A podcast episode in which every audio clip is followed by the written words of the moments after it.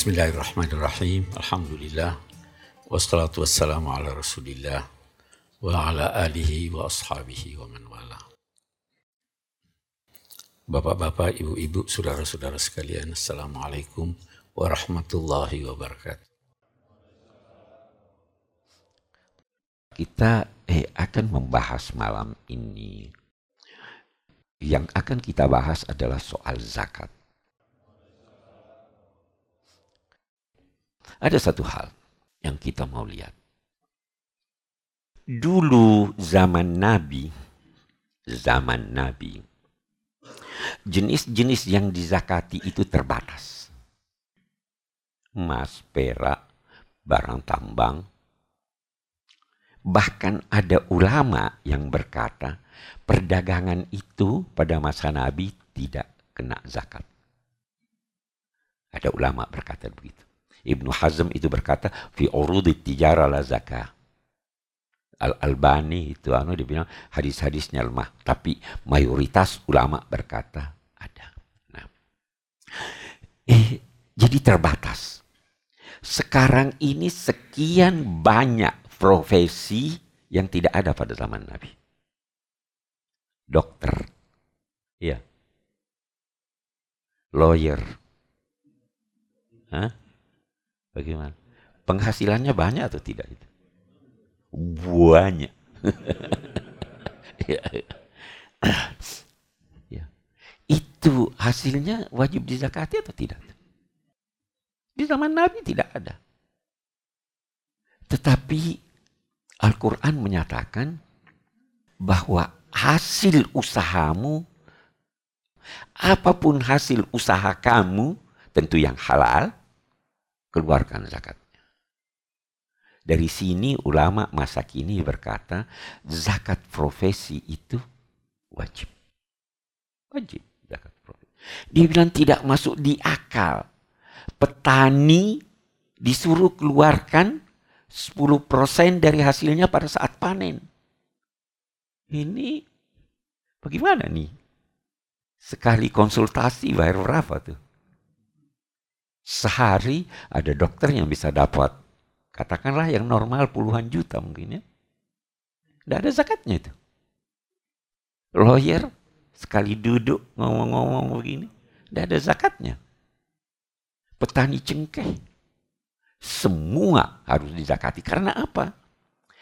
Tidak mungkin harta mereka itu tidak dikenai zakat padahal harta yang diperoleh orang yang miskin dibanding dia wajib zakatnya. Di mana keadilan? Nah,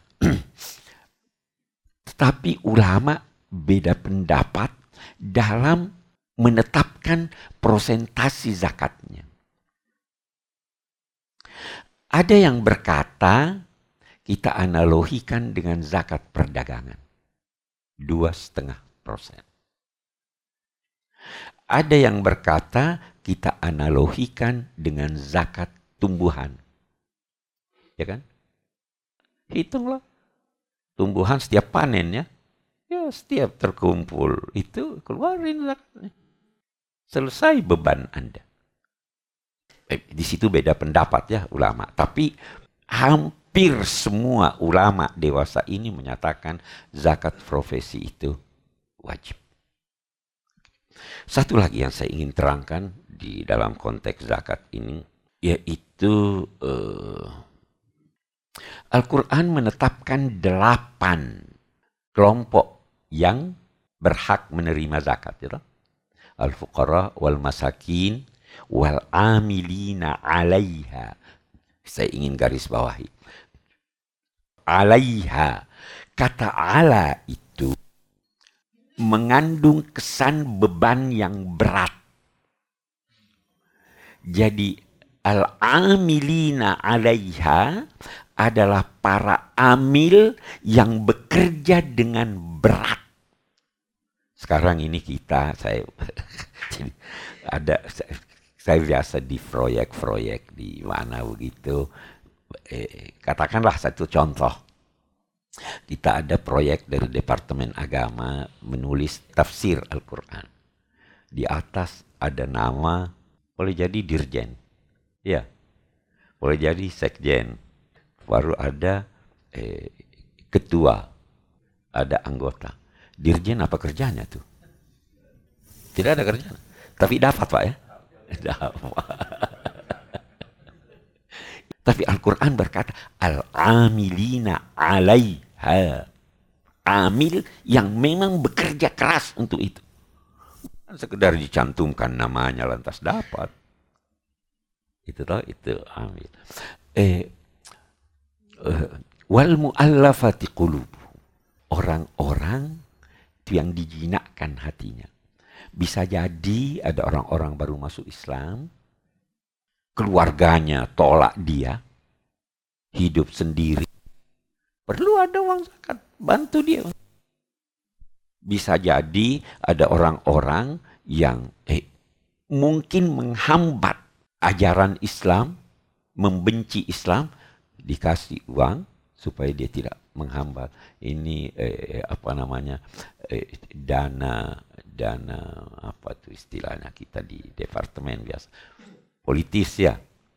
Tapi sejak masa Zaidina Umar dia bilang tidak. Islam sudah kuat. Mau melawan lawanlah kita lawan dia. Jadi dia hentikan itu. Ya kan? Kita tidak butuh. Dulu masa Nabi itu dibutuhkan. Sekarang kita tidak. Jadi dia tidak kasih. Nah, eh wa firriqab. Fi.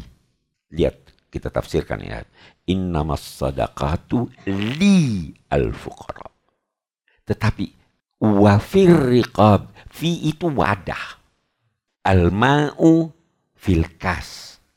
Al-kitabu fidurj. Kitab di dalam laci. Air di dalam gelas. Kalau begitu firriqab harus ditetapkan ada wadah. Wadah. Bukan saya serahkan langsung fakir dan miskin. Wadah yang digunakan untuk membebaskan orang-orang yang terbelenggu. Dulu budak. Sekarang bisa jadi ada orang punya kontrak terbelenggu dia dia tidak seperti itu. TKW TKI itu yang kontrak itu. Itu kan terbelenggu dia. Keluarkan dari situ. Orang-orang yang berutang ada orang banyak sampai sekarang masih banyak. Dia suka bersedekah sampai dia berutang untuk bersedekah. Ada kan yang begitu? Ah itu bantu itu. Dan sebagainya. Itu ada delapan. Nah ulama-ulama berbeda pendapat apakah kedelapan golongan itu harus diberi atau boleh sebagian saja. Imam Syafi'i berkata, kalau ada semuanya harus diberi semuanya. Tapi kalau cuma sedikit, nah, ada yang eh, memberi jalan keluar. Kalau itu dikumpul oleh pemerintahnya, diberi semuanya. Tapi kalau zakat itu perorangan, maka bisa diberi hanya satu orang saja. Pada dasarnya, zakat itu bertujuan membantu seseorang agar dapat hidup mandiri. Maksudnya itu supaya dia bisa produktif. Jadi kata Imam Malik, mau oh, kasih. Kenapa? Apa alasannya Imam Malik? Dia bilang itu kan Nabi bersabda menyangkut zakat. Tu'khadu min agniyaihim wa turaddu ila fuqaraihim. Jadi memang fakir, pria aja. Nah, ada ada yang ada lagi yang berpendapat eh, minimal tiga, nah, minimal tiga itu fakir, miskin, eh, apa deh ibnu sabil, apa tiga. Eh, eh, kita bisa berkata bahwa eh, eh, tidak harus delapan. Walaupun ada, tapi kita memiliki prioritas. Ini yang prioritas. Ada bahasan lain sebelum kita ini, bahasan lain bisa tidak ditunda zakat? Bisa ditunda atau tidak? Sebelum kita tanya, jawab itu, bisa tidak diajukan? Ya tahu? Ada orang butuh sekali nih sekarang ini. Kan zakat kan setelah setahun ya, atau setelah panen. Ini orang butuh sekali nih, bagaimana nih? Ulama sepakat bisa diajukan. Ada mahasiswa mau keluar negeri, tidak punya biaya. Bagaimana? Oke deh, saya keluarkan saja ini zakat saya untuk tahun depan. Ini sekian. Nah, kalau menunda, ulama ada berkata begini. Kalau kita tunda sholat, boleh enggak? Tidak boleh. Kita tunda puasa. Nah, jadi kalau begitu zakat tidak boleh ditunda juga. Nah, tapi ada ada ulama lain berkata begini, terkadang ingin memberikan zakat kepada orang-orang yang perlu, tetapi perlu untuk masa datang. Sedangkan di masa datang sudah habis zakat. Saya beri contoh dalam kehidupan sehari-hari. Eh, itu masa masuk sekolah. Ada masanya ya. Kita kasih sekarang atau tunggu masa masuk sekolah? Kalau dikasih sekarang habis itu. Iya kan? Nah, ada ulama berkata, kalau ada kemaslahatan, maka bisa ditunda dan diharapkan uang itu sudah disisihkan. Sudah disisihkan kan? Jadi tidak terganggu. Sama halnya zakat fitrah, katanya harus diberikan sebelum imam eh, berdiri khutbah. Tetapi kalau Anda sudah menyisihkan zakat itu, ini saya akan berikan si A kalau datang ziarah, maka itu boleh. Jadi sudah disisihkan, sudah tidak diganggu. Ini eh, eh, praktek-praktek di dalam eh, zakat. Uh, uh, satu hal lagi, sebenarnya yang berhak sekaligus berkewajiban menghimpun zakat itu adalah pemerintah. Khud min amwalihim sadaqah. Tapi persoalannya, ini perorangan boleh enggak? Ini kiai-kiai kan banyak nih gimana? Eh, dari segi hukum, kalau Anda menyerahkan zakat Anda kepada yang ditunjuk oleh pemerintah, maka siapa yang ditunjuk oleh pemerintah itu mewakili fakir miskin. Ya toh?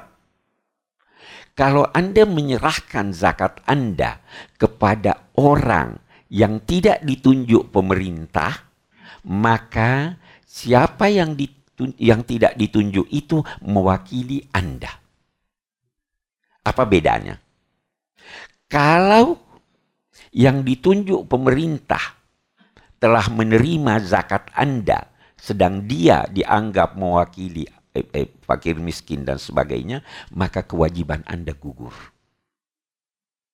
Tetapi kalau Anda menyerahkan pada yang mewakili Anda dan harta zakat Anda itu hilang, Anda masih wajib bayar zakat. Jadi yang mana lebih baik nih? Oke. Karena itu mestinya yang menerima zakat itu untuk dibagikan adalah orang-orang yang ditunjuk oleh pemerintah. Walaupun tidak terlarang saya untuk ada kiai-kiai bayar ini bayar ini bayar. itu tidak terlarang hanya konsekuensinya itu tadi saya kira itu secara umum tentang eh, zakat